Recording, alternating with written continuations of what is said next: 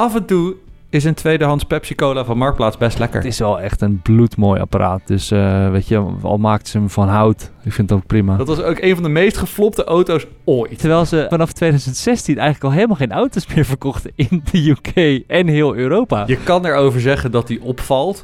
Maar ja, als je een Opel Astra in brand steekt, valt het ook op. Here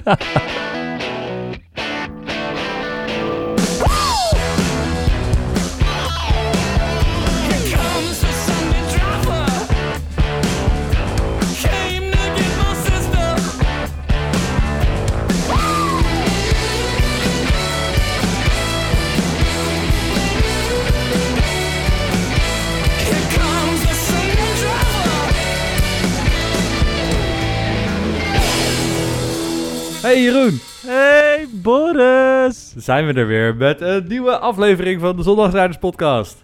Ja, geweldig. Inmiddels ben ik verhuisd naar de zolder. Dus dat is al eh, super, echt een upgrade. De zolder van? Eh, van het eh, vakantiehuisje van mijn ouders in de Eifel. Oh, Ik zit hier tussen een poppenhuis en een, ehm, een stofzuiger en twee stapelbedden. En ik zit op een pooltafel. oké. Ik zit gewoon, ik zit in mijn werkkamer. Ja, ik probeer eigenlijk de podcast telkens op een zo willekeurig mogelijke plek op te nemen. Dat eh, inspireert, zeg maar. Ja, hartstikke goed. Ik, ik ben benieuwd wat voor creepy vibes je van een krakkemikkig huis in de Eifel eh, mee weet te brengen naar deze, naar deze podcast. Eh, Ja. Ik moet eerlijk zeggen, ik ben vandaag een beetje brak. Echt? we, zitten, ja, we zitten min in het EK. Ja, Ne- Nederland heeft net van Oostenrijk gewonnen. Oostenrijk. Ja, die is donderdag, dus tegen de tijd Oh, dat deze uitkomt... eh, je, moet niet, je moet niet nu vertellen dat het gisteren Oekraïne was. want Dan denken mensen, wow, dit is echt een eeuwigheid geleden opgenomen. dit, is helemaal niet, dit is helemaal niet relevant meer. Dit is helemaal geen nieuws meer. Chevrolet is al lang failliet. Precies, die hebben gisteren allemaal fucking kutauto's uitge... Nee, goed. Ehm, dus ik dacht, nou, oké. Eh, ja, ik was gisteren, eh, heb ik Sambuca gedronken op zondagavond. Dat is gewoon een heel slecht idee. Oh, je kan het niet meer aan, Boris. Je kan het niet meer hebben. nee, nee. Nee. Nee, maar eh, ja, dus eh Zondagsrijders podcast, hartstikke leuk. We gaan, eh, vandaag gaan we het hebben met jullie over Chevrolet. Het is van deze maand de General Motors maand. Want Ja. de vorige aflevering hadden we Cadillac, nu hebben we Chevrolet. nou, dat was het. Dus die gaan we met jullie doornemen. Jeroen, wil je nog wat kwijt voordat we beginnen? Nee, nee, ik, ik, ik zit wel lekker eigenlijk. Ik eh, zit eh, lekker klam in- op een heel warm zoldertje, dus eh, laat, maar, laat maar komen. Jij? Nou, ik was laatst wandelen door eh Oegsgeest, waar ik woon. En daar is het stiekem best wel lekker carspotten. Want ik, ik woon zelf in een vrij bescheiden appartementje. Maar de mensen in mijn wijk hier omheen, die hebben toch allemaal best wel vette auto's. Dus ik was echt blij toen ik die Z1 zag afgelopen week. dat, vond ik, Ja. dat vond ik echt cool. Dat Ja. ik echt cool. Want die, zie- Ja. die zie je niet vaak. Nee. Ja, wat dacht je dat ik die, toen, die, toen ik die crossblade had gespot? Man, ik, ik, ik reed met een, eh, met een maatje terug van de rugby. En, ik, en het was s'avonds Ja. al, we reden over de Kurfürstendam in Berlijn. En ik zag in één keer in mijn ooghoek die crossblade. Ik dacht, stoppen! dus ik heb mijn auto gekeerd, ben uitgestapt. Stonden allemaal mensen, zaten op het terras. Ik zou op de straat gaan staan om die foto te, te maken. Ik zo, Ja, heel deze, dik. geniaal. Ben je benieuwd naar de foto waar de zondagsschrijders het over hebben? Ga dan naar instagram.com slash zondagsschrijderspodcast.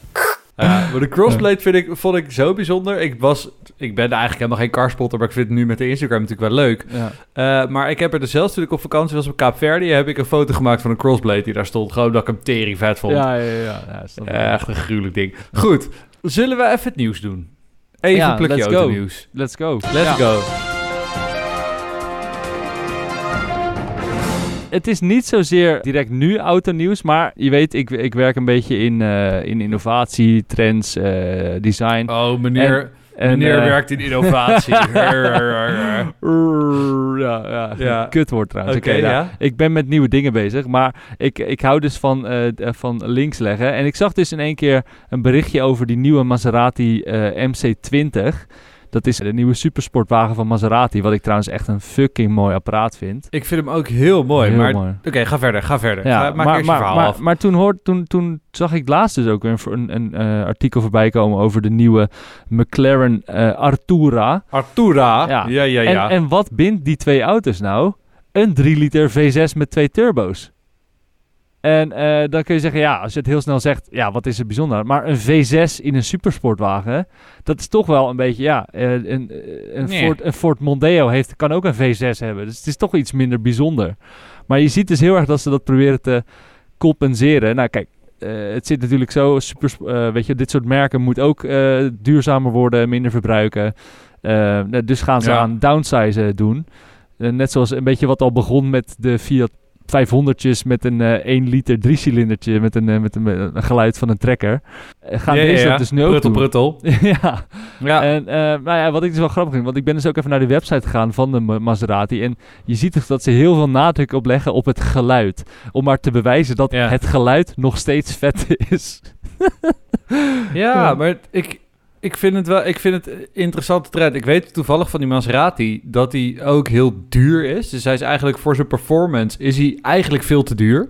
Qua Mhm. performance is hij vergelijkbaar met een Porsche 911. Die heeft natuurlijk ook een zescilinder. Dus dat zou eigenlijk zijn range moeten zijn. Maar qua prijs zit hij gewoon heel dicht tegen goedkope Ferraris aan. Het kost volgens mij meer dan 2 ton, dat ding. Ja. Dus dat is gewoon eigenlijk heel gek. Ja. Ik vind het vooral zo bizar. Volgens mij hebben zowel McLaren als Maserati die motor from scratch helemaal nieuw ontwikkeld. Ja. Dan denk ik, wie gaat er nu nog een motor ontwikkelen? Maar ja, dat hebben ze blijkbaar gedaan. Ja.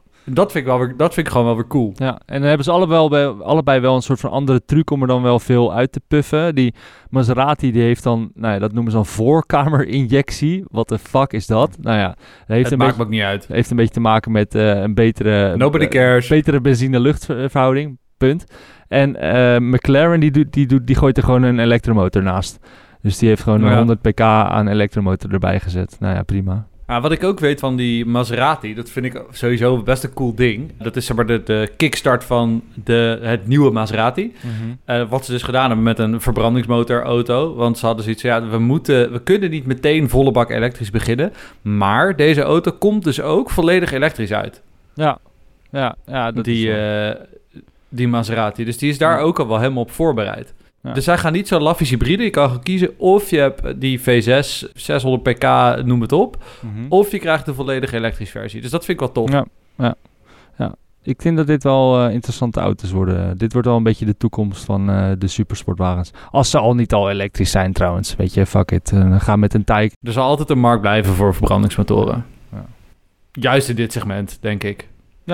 De, dus, dus dat. V6 in supersportwagens. Oké, oké, oké. Nou, dat is wel grappig. Ons nieuws gaat eigenlijk dus over aandrijflijnen. Uh-huh. Ik heb namelijk iets wat niet per se echt nieuws is. Dan gaan we weer. Oh. ja.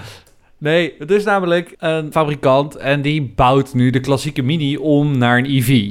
Mhm. Eh, en dat is eigenlijk natuurlijk niks nieuws. Alleen deze doen het nu op iets grotere schaal. Het kost iets van 30.000 pond.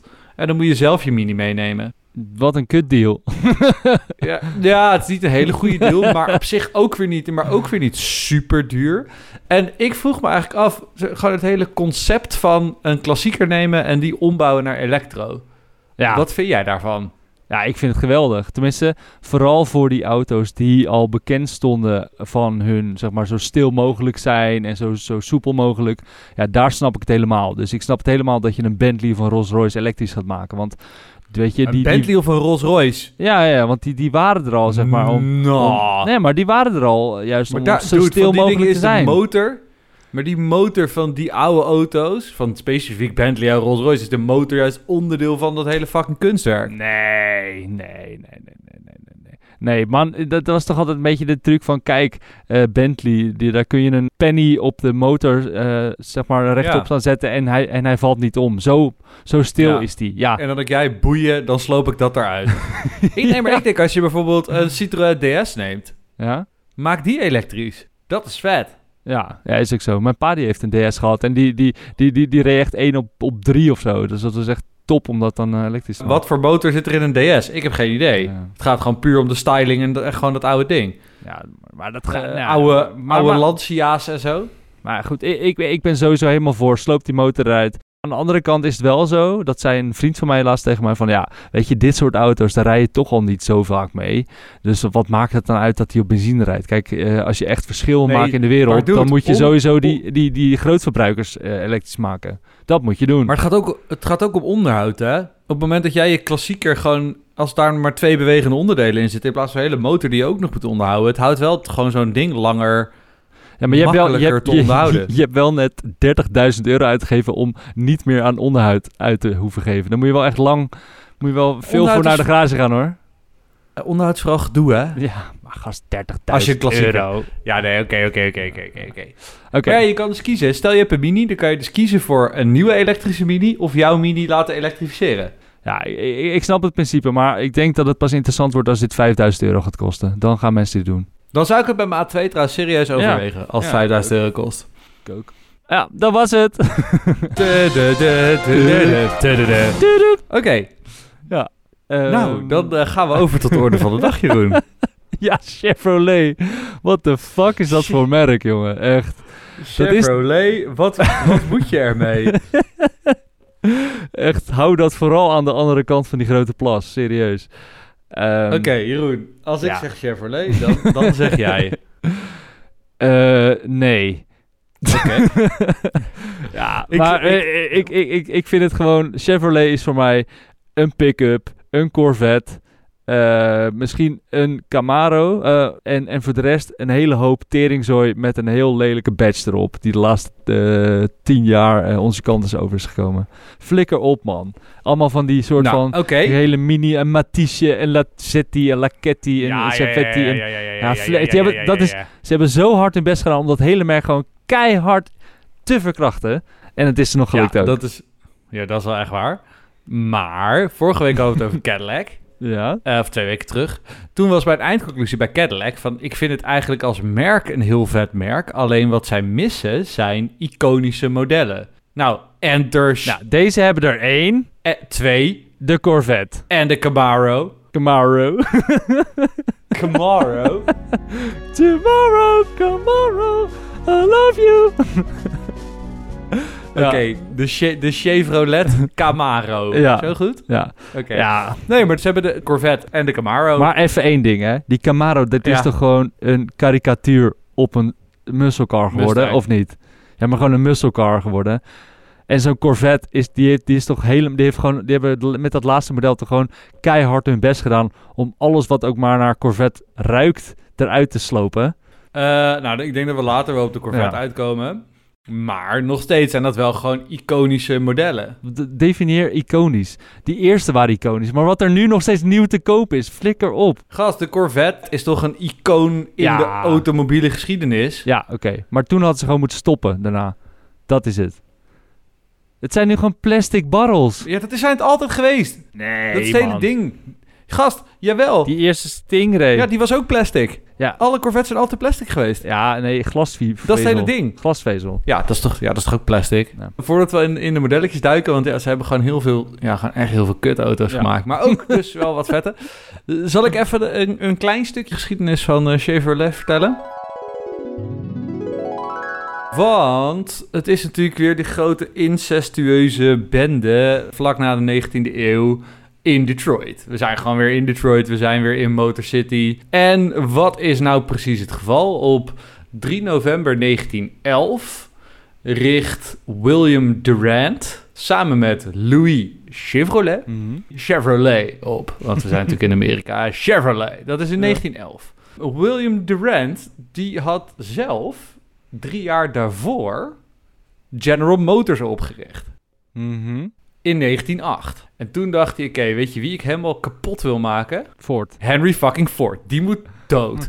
Eh, dus, en Henry Ford, dat wisten we ook al van de Cadillac-aflevering. Die heeft meerdere keren geprobeerd een ook bedrijf te starten. De Henry Ford dit company, de Ford Motor Company, bla bla bla. Ford ging eigenlijk best wel lekker. En dit was Ford zijn derde bedrijf. Toen dacht ik, oké, die wil ik ook kapot maken.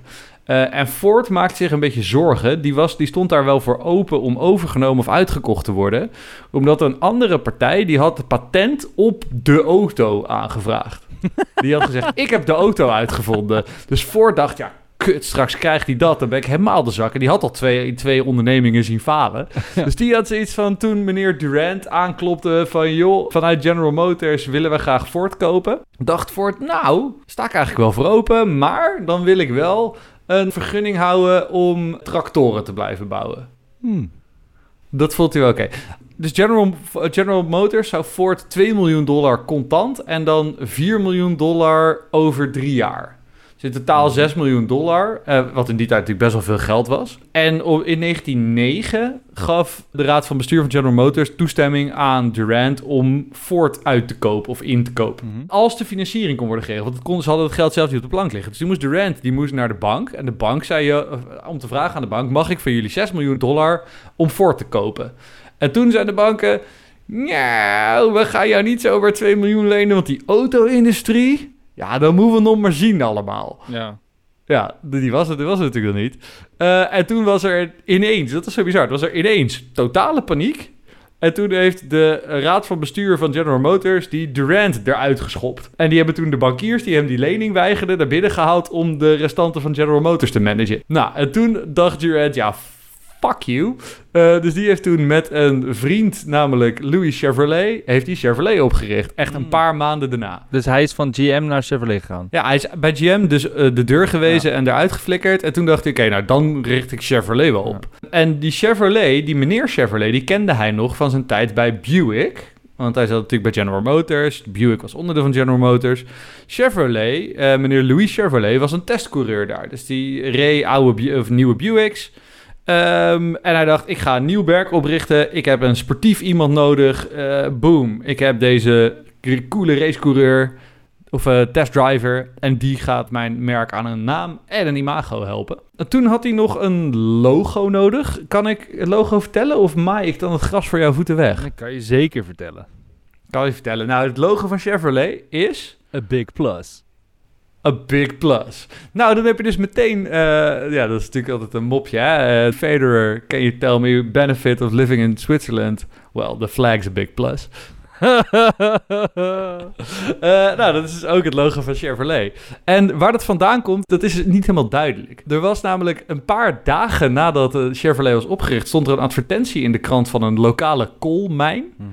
En die was ook precies het logo dat we vandaag van Chevrolet kennen. Dus zo'n heel Hmm. breed kruis, net een, beetje, eh, net een beetje schuin. Dus dat zou kunnen. Iets anders wordt gezegd dat hij het gezien heeft op het behang van een Frans hotel. Dat is volgens mij wat hij zelf heeft verteld. Ja, ja. En anderen zeggen dat het een, inderdaad een gestileerde versie was van het Zwitserse kruis. Want meneer Chevrolet kwam uit Zwitserland. Hmm. Maar het is, eh, het, het is nog nooit, eh, het is, het is nooit opgehelderd wat het nou precies was. Maar laten we niet doen alsof het een heel bijzonder logo was, toch?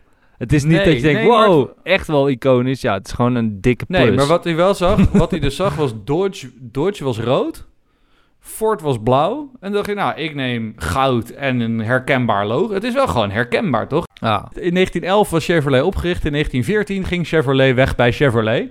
Die had er genoeg van, die wilde weer gewoon lekker autootjes rijden. Die had geen zin in het hele runnen van een autobedrijf. En toen, toen werd het echt mooi. Want in 1917 kwam de Model mm, 4 490 kwam op de markt. Ja, dat was gewoon weer in 1917. Alle auto's leken op elkaar. ja. Paardenkoets zonder paarden. Ja, leek gewoon op de T-Ford. Oké, prima. Model 490 kostte namelijk 490 dollar. Ehm, en die ging best wel lekker. Dat was best wel een succesje, die, auto. Eh, dus toen hadden ze bij Chevrolet best wel wat geld. En toen dacht meneer Chevrolet, weet je wat ik ga doen? Ik ga General Motors kopen. Dus toen heeft William Durant met al zijn opgepotte geld... heeft hij gewoon langzaam maar zeker, langzaam maar zeker... aandelen, aandelen, aandelen, aandelen General Motors gekocht...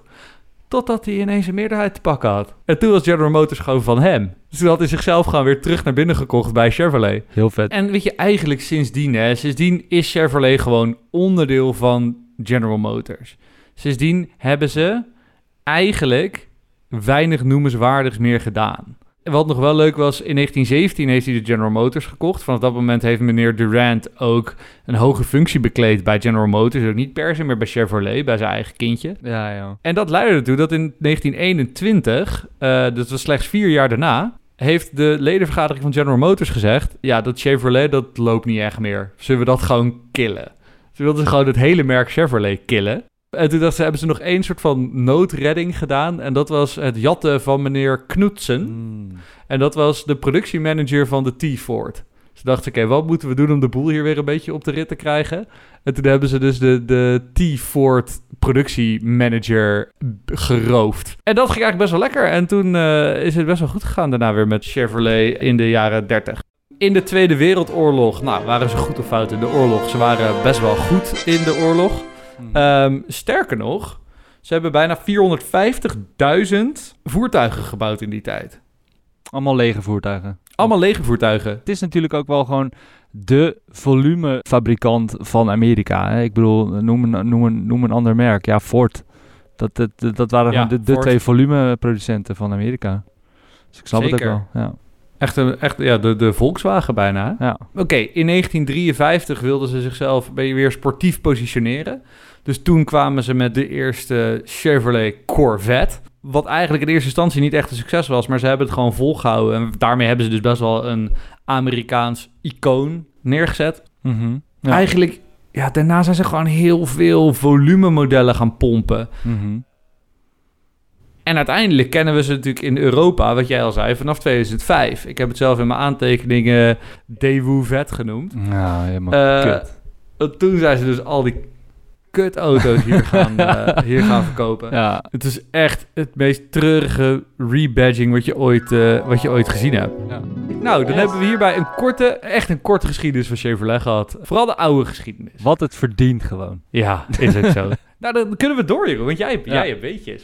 Ik heb zeker, weet je. Waarom? Zeg mij waarom? Ja, eh, we hadden het nog niet helemaal over. Ik blijf een beetje refereren naar die, die ene keer dat ik, dat ik twee weken naar Amerika was geweest. Maar ik was daar nogal onder de indruk van één auto. Dat was de Chevrolet Suburban. Ik weet niet of je die Mhm. kent.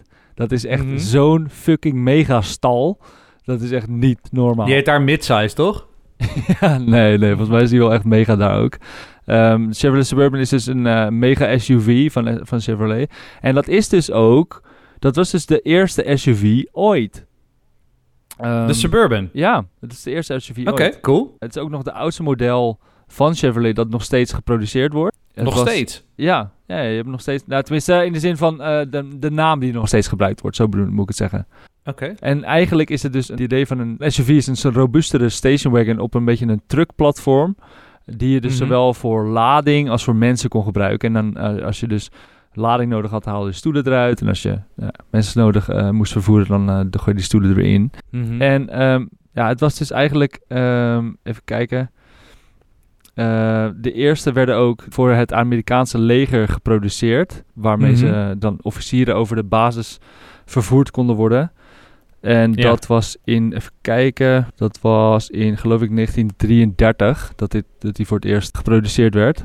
Ja, het is best wel een vette bak eigenlijk, die eerste. Ik zou hem best wel willen hebben. Het is gewoon een soort schoolbus met hoge deuren. Ik kan hem wel even laten zien. Zie hem hier. En die delen we ook al even in de socials. Mijn tweede weetje is dat, ik weet niet of je het al wist, maar Corvette.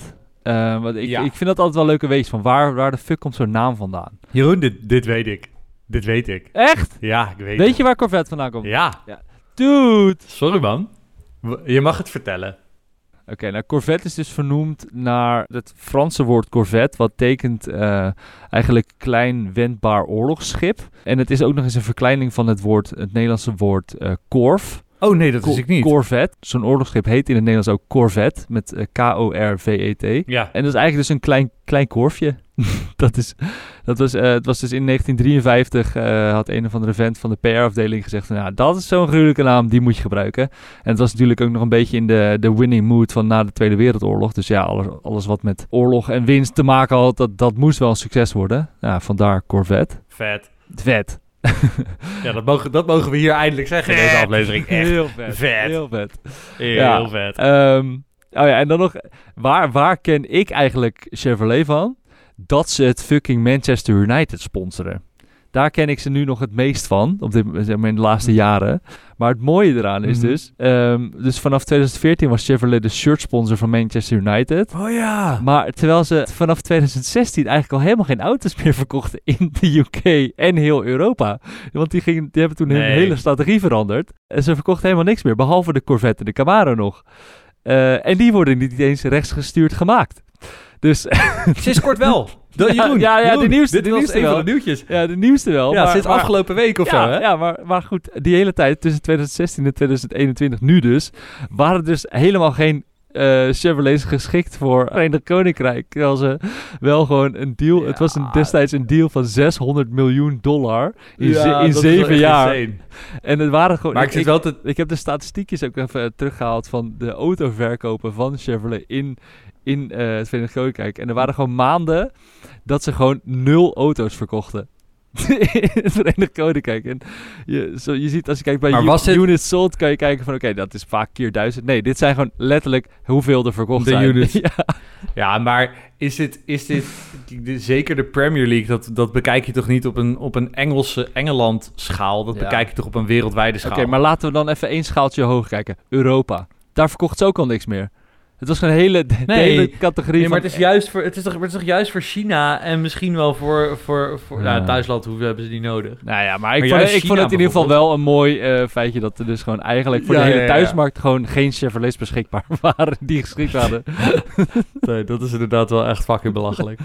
ja. Heb jij nog een weetje? Corvette, Corvette was mijn weetje. Ik wist dus niet dat ze allemaal van plastic waren. Ja. Eh, ik weet wel... Ze, ze Nee, hadden even leg het even uit aan de, aan de kenners.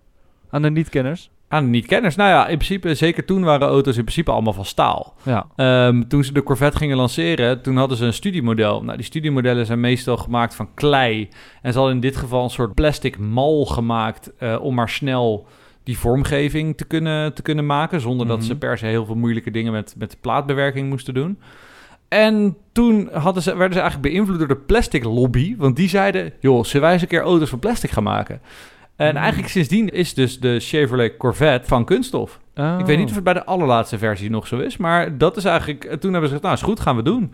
Eh, en sindsdien zijn eigenlijk alle eh, Corvettes van kunststof. Dus, dus ze zijn er eigenlijk nog trots op ook.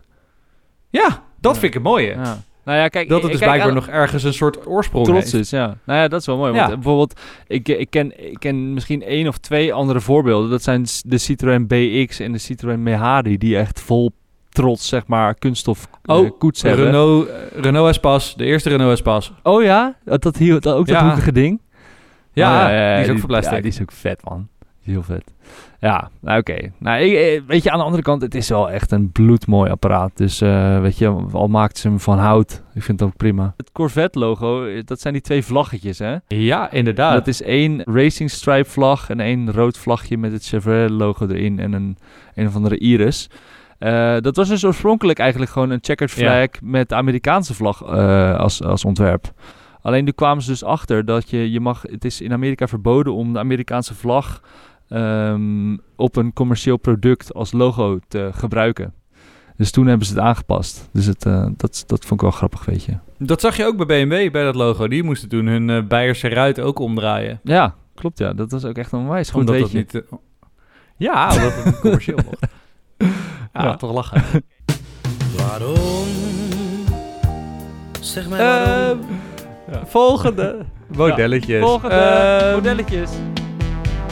She's a model and she's looking good. Oké, mag ik dan beginnen? Want ik heb hier echt een leuk over. Ja. Je hebt namelijk Chevrolet, net Ja. al Chevrolet, Chevrolet, ja. net als eh, Cadillac, Mhm. maakte gewoon hele grote auto's. En op een gegeven moment hebben ze dus gekeken naar, oké, in Europa maken ze toch kleinere auto's. En toen is er een soort vijftraps van totaal waardeloze, opeenvolgende kleine Chevrolets gemaakt. Mhm. Dat is echt geweldig. Ik heb die even opgezocht. Ja. In 1947 hadden ze onderzoek gedaan met de Cadet. Eh, dat was een concept. ja. Alleen die hebben ze toen niet gemaakt, want ze zeiden... Americans don't want to buy small cars. Mm, Nou, Oké. ik denk dat ze daar in die tijd geen ongelijk in hadden. Nee. Toen hebben ze het namelijk be- be- best wel een tijdje later hebben ze het nog een keer geprobeerd. De Chevrolet Corvair. Ehm, die was zo slecht dat er later een boek over is geschreven. Dat boek heet Unsafe at Any Speed. Ehm, want die achterwielophanging, daar schijnen ze iets mee gedaan te hebben... waarbij dat ding dus op elk moment, op elke snelheid... totaal onbestuurbaar kan worden. Eh, en dat heeft ook geleid tot allerlei rechtszaken tegen Chevrolet. Zo, dit, is, dit is een van de gevaarlijkste auto's die ze ooit gemaakt hebben. Gewoon, ze hebben gewoon bespaard op die achterwielophanging. Ik weet het niet precies, maar Ja. dat was ook Ja. een, van de, een van de meest geflopte auto's ooit. De Chevrolet Corvair.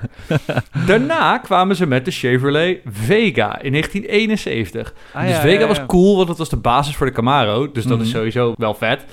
Alleen ze zeiden, ja, we hebben iets, joh, dit, is, dit gaat roest tegen, dit is niet te doen. Nou, dat ding roestte verschrikkelijk. en de motoren vielen uit elkaar waar je bij stond. En die dingen werden met zo'n hoge omloopsnelheid naar de schroothoop gebracht...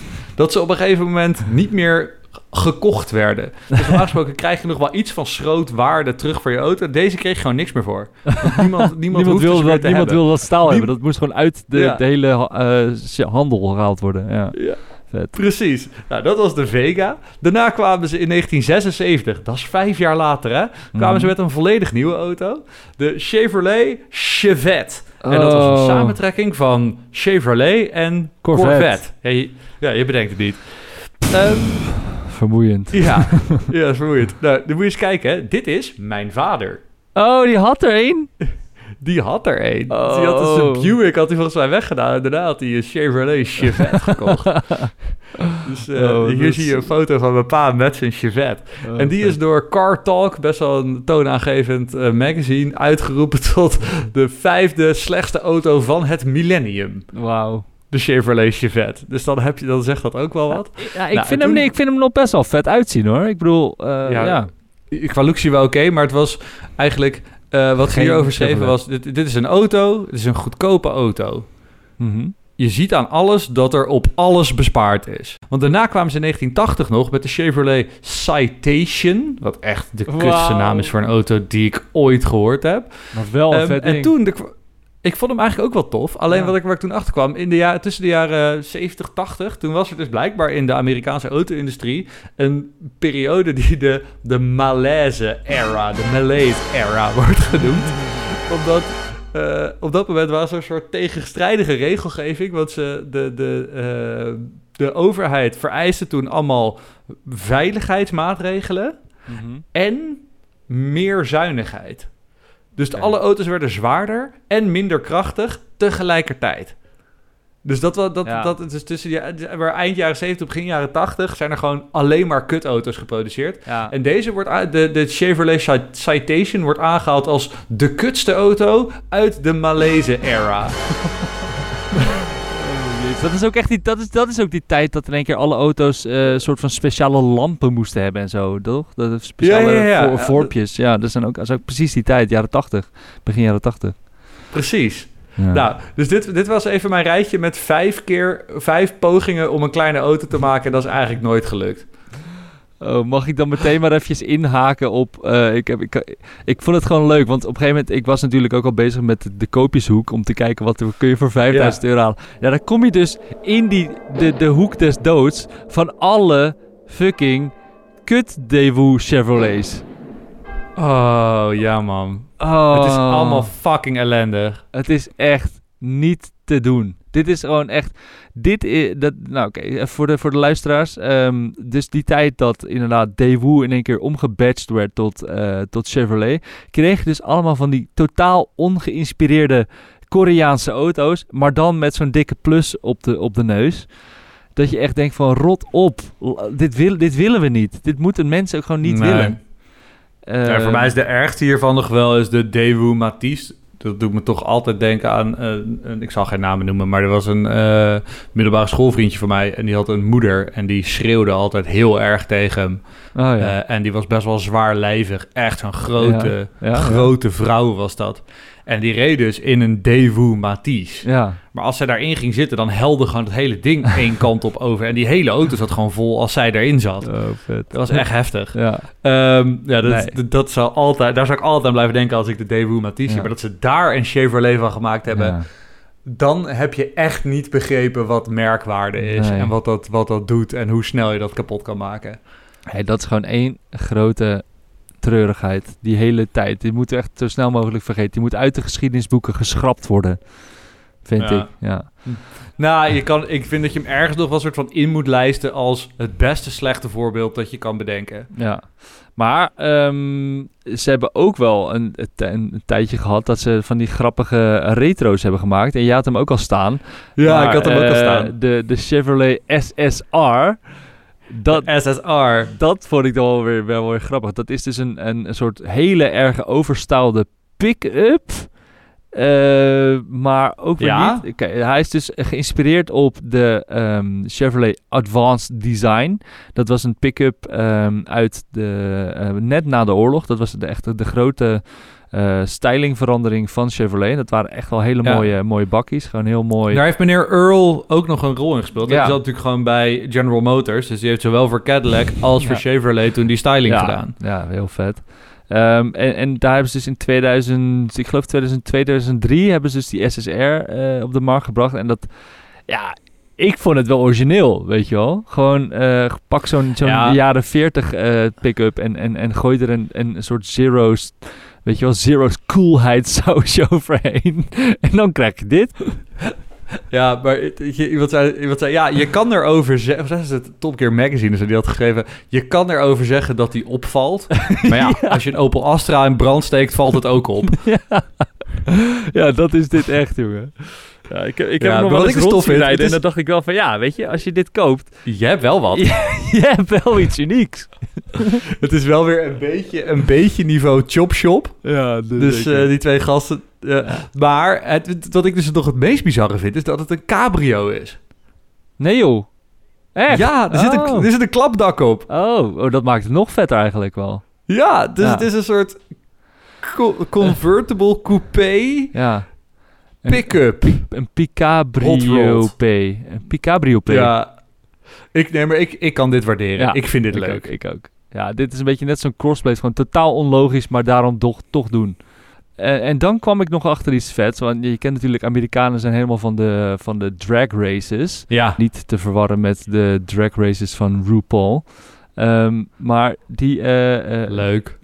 die maakte dus speciale Camaro's, eh, speciaal voor de drag race. En dat heette COPO, C-O-P-O. En eh, COPO's, Staat ja, dat staat ergens voor voor? Central Office Production Order. En dat was dus Chevrolet's eh, special order systeem. Gebruikt door dealers om eh, zeg maar high performance modellen te maken. En dat waren dus echt wel van die beesten met zo'n mega opgeblazen motorkap. Waar je gewoon een soort van overheen moet kijken. Nou, gewoon niet eens overheen kijken. Volgens mij kan, je- zie je dus ook niks. Maar dat hoeft ook niet. Want je, gaat, je hoeft toch alleen maar rechtdoor. Ja. Toch geen tegenlingers. En, en echt van die mega dikke drag race achterbanden. Ja, dat ik... eh, En hele dunne voorbandjes. Hele dunne voorbandjes. Eh, eh, oh ja, en een, en een parachutesysteem erachter. Dat is ook nog zo mooi. Want dat heb je Ja. natuurlijk ook wel nodig. Maar dit is toch, maar dit is toch eigenlijk... kijk, iedereen kent de Dodge Demon, toch? Dat is dat ding met, weet ik veel, 2000 pk... en bepaalde benzine die je alleen maar op hele specifieke plekken kan krijgen... en al dat soort Ja. dingen. Is, is dit niet daar gewoon een slap aftreksel van? Ja, ja misschien wel, ja. Maar ik, ik vond het in ieder geval vet dat je dit dus gewoon kan kopen. En daar kun je dus ook gewoon mee, de, ja, ik denk wel de openbare weg mee op. Dat we gewoon zo'n, ja, gewoon een bizar drag race apparaat. Ja. Ik vind, ik vind drag racen echt heel erg dom. ja. ja. ik heb het gewoon niet zo op Amerikaanse dingen. Oké, ja. Leuk. Jeroen, leuk. Ja, ja. Ehm, de, de, wat, wat, wat, wat vind jij dan nog, nog meer vette eh, Chevys? Nou ja, we hebben, de Corvette moeten we natuurlijk wel gewoon even, even bespreken. Die, de Stingray. Ja. Kijk, de soort Corvette, moet, kan je het gewoon, moet je even uitleggen. De Corvette, die heet altijd de Corvette. En dan heb je de C1, 2, 3, 4, 5 en 6. Mhm. Ehm, eigenlijk zijn alleen de C1 en de C2 zijn echt schitterend qua design. De Ja. C3 gaat ook nog wel. Mhm. De C1 is gewoon de allereerste Corvette. Dat is gewoon zo'n jaren 50 super klassieke sportauto. Heeft wel wat van een Mercedes SLS of eh, SL ja. Ja. in, zijn, in zijn styling. Best wel Europees, best wel klassiek. Ja, Eh, of misschien, C2 wel misschien is dat ook wel een beetje een Aston Martin DB4'tje met die koplampjes.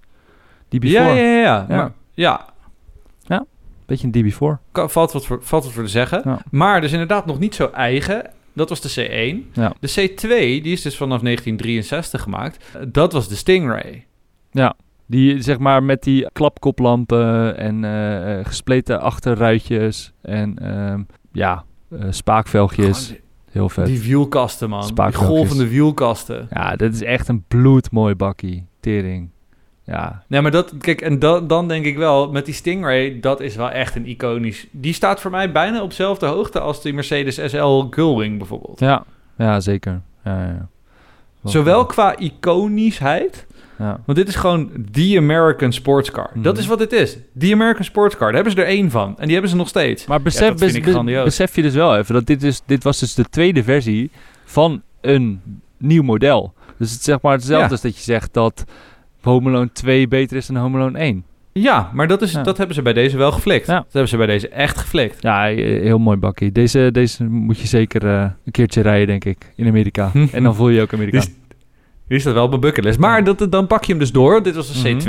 Nou, op een gegeven moment was het toen gewoon heel lelijk. Heel hard rechtdoor. Heel erg jaren 80. Heel erg jaren 90. Mhm. Gewoon heel veel lelijke Corvettes gemaakt. Op een gegeven moment kwamen ze toen bij de C7. Dat is de voorlaatste. Mhm. En daarvan kon eigenlijk iedereen wel zeggen dat het een geslaagde sportauto was. Hij, dus ze hadden wat moderniseringen doorgevoerd in de ophanging en zo. Eh, nog steeds gewoon van plastic, nog steeds niet heel goed afgewerkt, maar wel goed genoeg inmiddels. Mhm.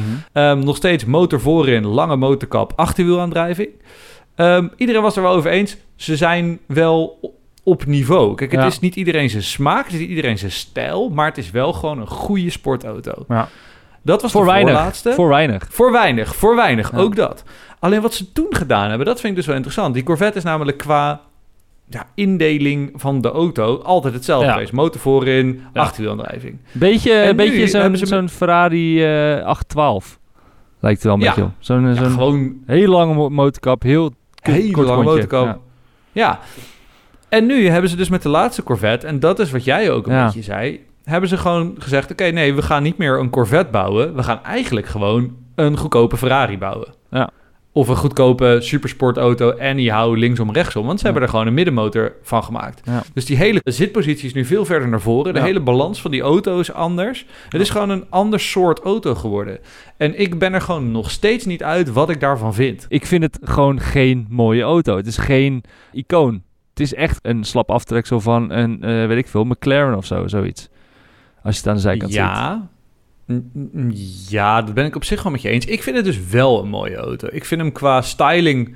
Dat vind ik dus zo interessant. Hij heeft qua vormtaal... is het eigenlijk dezelfde auto als die vorige. Dus ze hebben eigenlijk dezelfde auto genomen... maar van een motor voorin naar een motor achterin verplaatst. Dus het is gewoon alsof ze een soort van in paint... even die, die, die, eh, die zitpositie hebben veranderd. Dus ik vind dat eigenlijk... Ik vind het gewoon een hele vreemde, onwennige gewaarwording... Maar ik denk lang verhaal kort. Ik win, ik, voor mij is de Corvette die American Sportcar. En dat is het gewoon nog steeds nu. En het is gewoon een betere versie dan wat het was. Ik denk dat ik er wel mee kan leven. Je had destijds natuurlijk de Ford Mustang. En, eh, American Muscle. American Muscle. En daar moesten ze gewoon een, Chevrolet variant voor bedenken. Dus dit was gewoon letterlijk, oké, wat doen we, wat zetten we tegenover de Mustang? En daar kwa- toen kwamen ze met de Camaro. Ik weet dat die oorspronkelijk zou die eh, Panther heten. Maar Ja. dat, is er, dat, dat is er niet doorheen gekomen. Eh, en Camaro, dat is een soort, eh, ik weet niet, ze hebben er volgens mij een soort van eh, lulverhaal omheen gehangen van wat het nou betekent. Iets van goede vriend of zo in het, in het Hm. Frans, Spaans, weet ik Nou, dat is ook een lekkere deceptie. Oké, wat, wat, wat, ik hier een beetje aan- wat ik hier een beetje van leer, Jeroen, behalve de Corvette, Ja. is Chevrolet gewoon eigenlijk altijd nummer twee. Het is gewoon, Ja. oh, wat zetten we tegenover de, eh, wat zetten we tegenover de Mustang? Oh, we moeten ook Ja. een kleine auto. Er zit gewoon niks Ja. eigens zit daarin. Nee, klopt. Nou, maar dat is, dit is echt een hele hoop schroot en twee parels. Dat, is, dat, is, eh, dat is Chevrolet voor mij. Sorry, eh, fanclub van Chevrolet, maar dit is wel echt... Ja, en om daar nog even een, een klap op de vuurpijl te geven. ehm, ze verkopen wel echt tering veel auto's. Zeker, Ja. in, nou eigenlijk alleen in Amerika. Maar ze verkopen dus van alle auto's die zijn verkocht vorig jaar in Amerika... Ja. was de Chevrolet Silverado Mhm. de tweede best verkopende auto. ja, bizar. Echt insane. Dus daar, daar hebben ze er bijna 600.000 van verkocht. Ja, maar, maar de op één staat dan eh, natuurlijk de Ford F-150. Dus het zijn ja, gewoon... precies. Precies, Ja. opeens had de Ford F-150, want dat is Ja. degene die je eigenlijk wil hebben. Ja, ja, ja, ja. ja. het is een beetje Pepsi-Cola. Dat het is, het. echt Pepsi Cola. God Ja. voor Chevrolet is Pepsi Ja. Cola. Maar laten we wel wezen, 600.000, nou grosso modo, dat is 2000 per dag. Dat is toch bizar dat je er zoveel verkoopt. Ik vind het echt, echt insane. Nou, de eeuwige nummer 2, Pepsi Cola Chevrolet. Chevrolet, Chevrolet. Yes. Ik zeg het hele tijd verkeerd. Maar af en toe is een tweedehands Pepsi Cola van Marktplaats best lekker. Zeker, voor eh, 5000 euro. Steeds verrassend, altijd voordelig. We hebben weer op Marktplaats en op alle andere autosites Gaspedaal, Autotrack, Autoscout, Autowereld. ANWB, via BOVAG hebben we weer gezocht eh, naar een fucking schitterende Ja. eh, Chevrolet.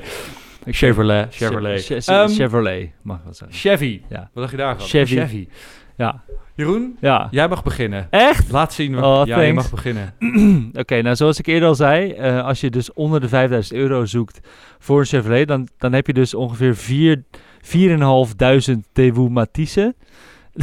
die je in totaal die je echt niet wil. En ik moest, Nee. en, ik- maar ik was wel echt een beetje op zoek naar wat ik dacht van dit is gewoon een echt Amerikaan, weet je wel. Hier, Ja, ja, dit, dit, dit, wil, dit wil je echt rijden. Nou, en ik Mhm. kwam dus uiteindelijk uit bij de Chevrolet Blazer. Yo. Oké. Oké, vertel. 1994 zie ik. Ja. Vertel me er eens Ja, wat over, dit is, dit, dit is dus echt een, een, een, een lekkere vierkante SUV, of, of hoe zeg het, terreinwagen van eh, Chevrolet, met een lekkere chrome boelbar. En eigenlijk is het een beetje een Chevrolet-versie van een Jeep Cherokee. Van eh, ook die, beetje die vierkante Cherokee die er was in de jaren 80. Kijk maar naar die voorkant, weet je wel, Maar ik, lekker vind het een beetje zo'n- ik vind het een beetje een, een Pa- Pajero. Een Pajero, ja. Mitsubishi vind ik het een beetje. Ja, ja, ook wel een beetje. Ja. Maar ja, ik, ik vind hij ziet nog best wel goed in de lak. Een beetje donkergroen, eh, Ja? met mooie chrome, eh, een beetje een soort douche, douche, doucheputje eh, velgen. van die, van die zo'n draaitelefoon. ja, een Telefoon- draaitelefoonvelgen met white rims, niet te vergeten. Ja, white walls, lekker. Ja. En, maar ja, ik, eh, ik, ik, eh, ik vind hem best wel gruwelijk eigenlijk. En ik wist helemaal niet van zijn bestaan af. Een Chevrolet Blazer voor 3.500 Nee, euro. maar gast, 280.000 kilometer. ja, maar als je naar Chevrolet gaat, die hebben namen bedacht voor hun auto's. Ja. Je hebt de Nova, de Cavalier, de Impala, Ja. de Chevelle, de Monte Carlo, de Celebrity, de Lumina, de Venture, de Trailblazer, de Traverse. Ja, Ja. hou even op, joh. En dan heb ik die van jou nog niet eens gehad. Nee, daarom. Nee. De Blazer. Dus de, De een Blazer. 4,3 Oké. liter V6, net zoals de Maserati MC60 Ja. 20. Jeroen, ik moet je vertellen, Ja? je hebt de verkeerde auto gekozen.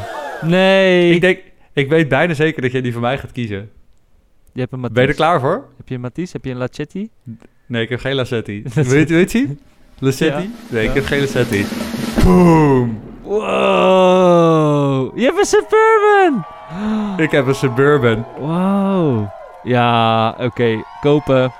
Ja, ik ben echt verliefd op deze bak, man. Dit Ja, is, eh, dit, je- dit, dit is zo'n bak, dit is zo'n zo'n dikke SUV.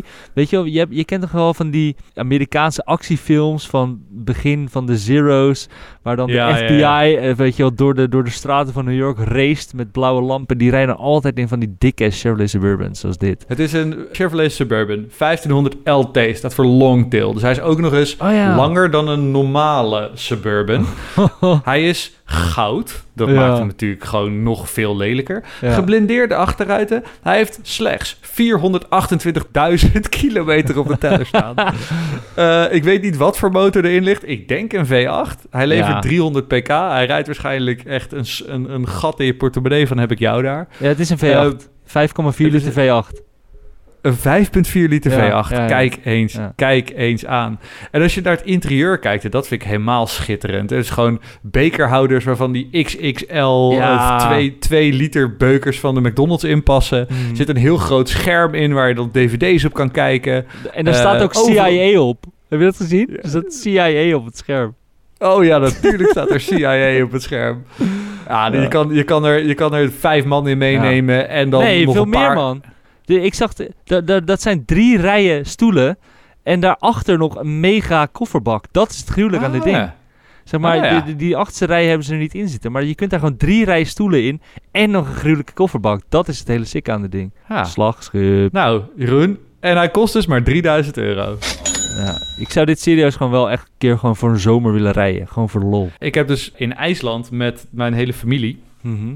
Toen hadden we dus ook. In IJsland moet je offroad eh kunnen rijden. Mhm. Met je auto, anders kom je nergens. Eh, dus toen hadden we met de familie hadden we een. eh, en we waren met z'n zessen. Dus toen konden we ook net niet meer in een normale offroader. Dus toen kregen wij dus ook zo'n Amerikaan. Dus wij hebben over IJsland gecrossed in een Ford Expedition. Nou, dat was een beetje dit formaat auto ja, ja, ook. ja, ja, ja. Dus ik heb gewoon twee weken op IJsland rondgereden met zo'n fucking beuker. Dat was zo vet, jongen. Hmm. En dan daarna weer, daarna weer dus in mijn Audi A2. Dus dan ga je dus van een auto, volgens mij woog dat ding 3000 kilo of zo. Mm. Ehm, die was iets moderner dan deze, dus ook nog veel zwaarder. 3000 kilo. En dan ga ik daarna met 800 kilo in mijn A2. Ik dacht echt dat ik in een skelter over de Ja, snelweg ja, ja, reed. ja. Ik vond het levensgevaarlijk. Dan ging ineens ook alle kanten op. Oh shit, directe besturing, wat is dit? Ja, nee. Echt heel, echt heel vet. Ja, dit, dit, is, dit is voor mij echt het beste wat Chevrolet heeft. De Suburban. Nou, Oké, kies maar Jeroen. ja, ik kies sowieso jou. Geen no, geen no doubt about it. Yes. Yes. Oké. Alright. Steeds verrassend, altijd voordelig. Oké, zondagsrijders. Wat is jullie eindoordeel over de Chevrolet? Nou, Jeroen. ik moet zeggen, ik, ik begin wel gewoon. Ik Ja. gaf, vorige keer gaf ik, gaf ik Cadillac een 7, want ik vond het merk heel vet. Mhm. Maar ze hadden geen iconische auto's. Ja. Ja, ik geef Chevrolet, Chevrolet geef ik een 6. Maar, maar een 6,5 voor de, voor de Corvette. Want die vind ik, Ja. die, de Corvette vind ik echt heel vet. Ja. Dus, ehm, ja, dan geef ik ze een 6 voor het merk. En een halve punt erbij voor de Corvette. En 0,1 erbij voor de Suburban. Dus een 6,6 krijgen ze van mij. Oké. En, daar, Ja. en daar zullen ze het mee moeten Ja. doen. Ik, eh, ik hoop het. Oké, nou, Ja. Zullen we het hier maar bij laten voor, voor Chevrolet? nou, dit was hem jongens, Chevrolet. Over twee weken zijn we bij jullie terug met... Met de laatste aflevering voor de zomerstop. Oh, we gaan echt een knaller van Heb ik jou daar ja. maken. Maar weet je, weet je waar het over gaat, Jeroen? Dat is altijd jouw huiswerk, hè? Mhm. Ja, ik dacht, we hebben nog niet genoeg Amerikanen. Dus eh, laten we Chrysler doen. Oh, fuck. Serieus? ja. Over twee weken zijn we bij jullie terug met Chrysler. Chrysler. Ondertussen willen we graag een shout-out doen naar Nello de Meester voor het in elkaar draaien van de Ja. podcast. Luister naar ons op je favoriete podcast platform. Het is volgens Ja. mij goed als je ons sterren geeft eh, of, of je abonneert. Dat is allemaal vet. Volg ons op Instagram, Zondagsrijders Podcast. Eh, en Eh, nou, Peace bedankt voor het luisteren. Peace out. En Chevrolet Toodle-day. weg, er, Weg ermee. weg ermee. Joe. Hoi.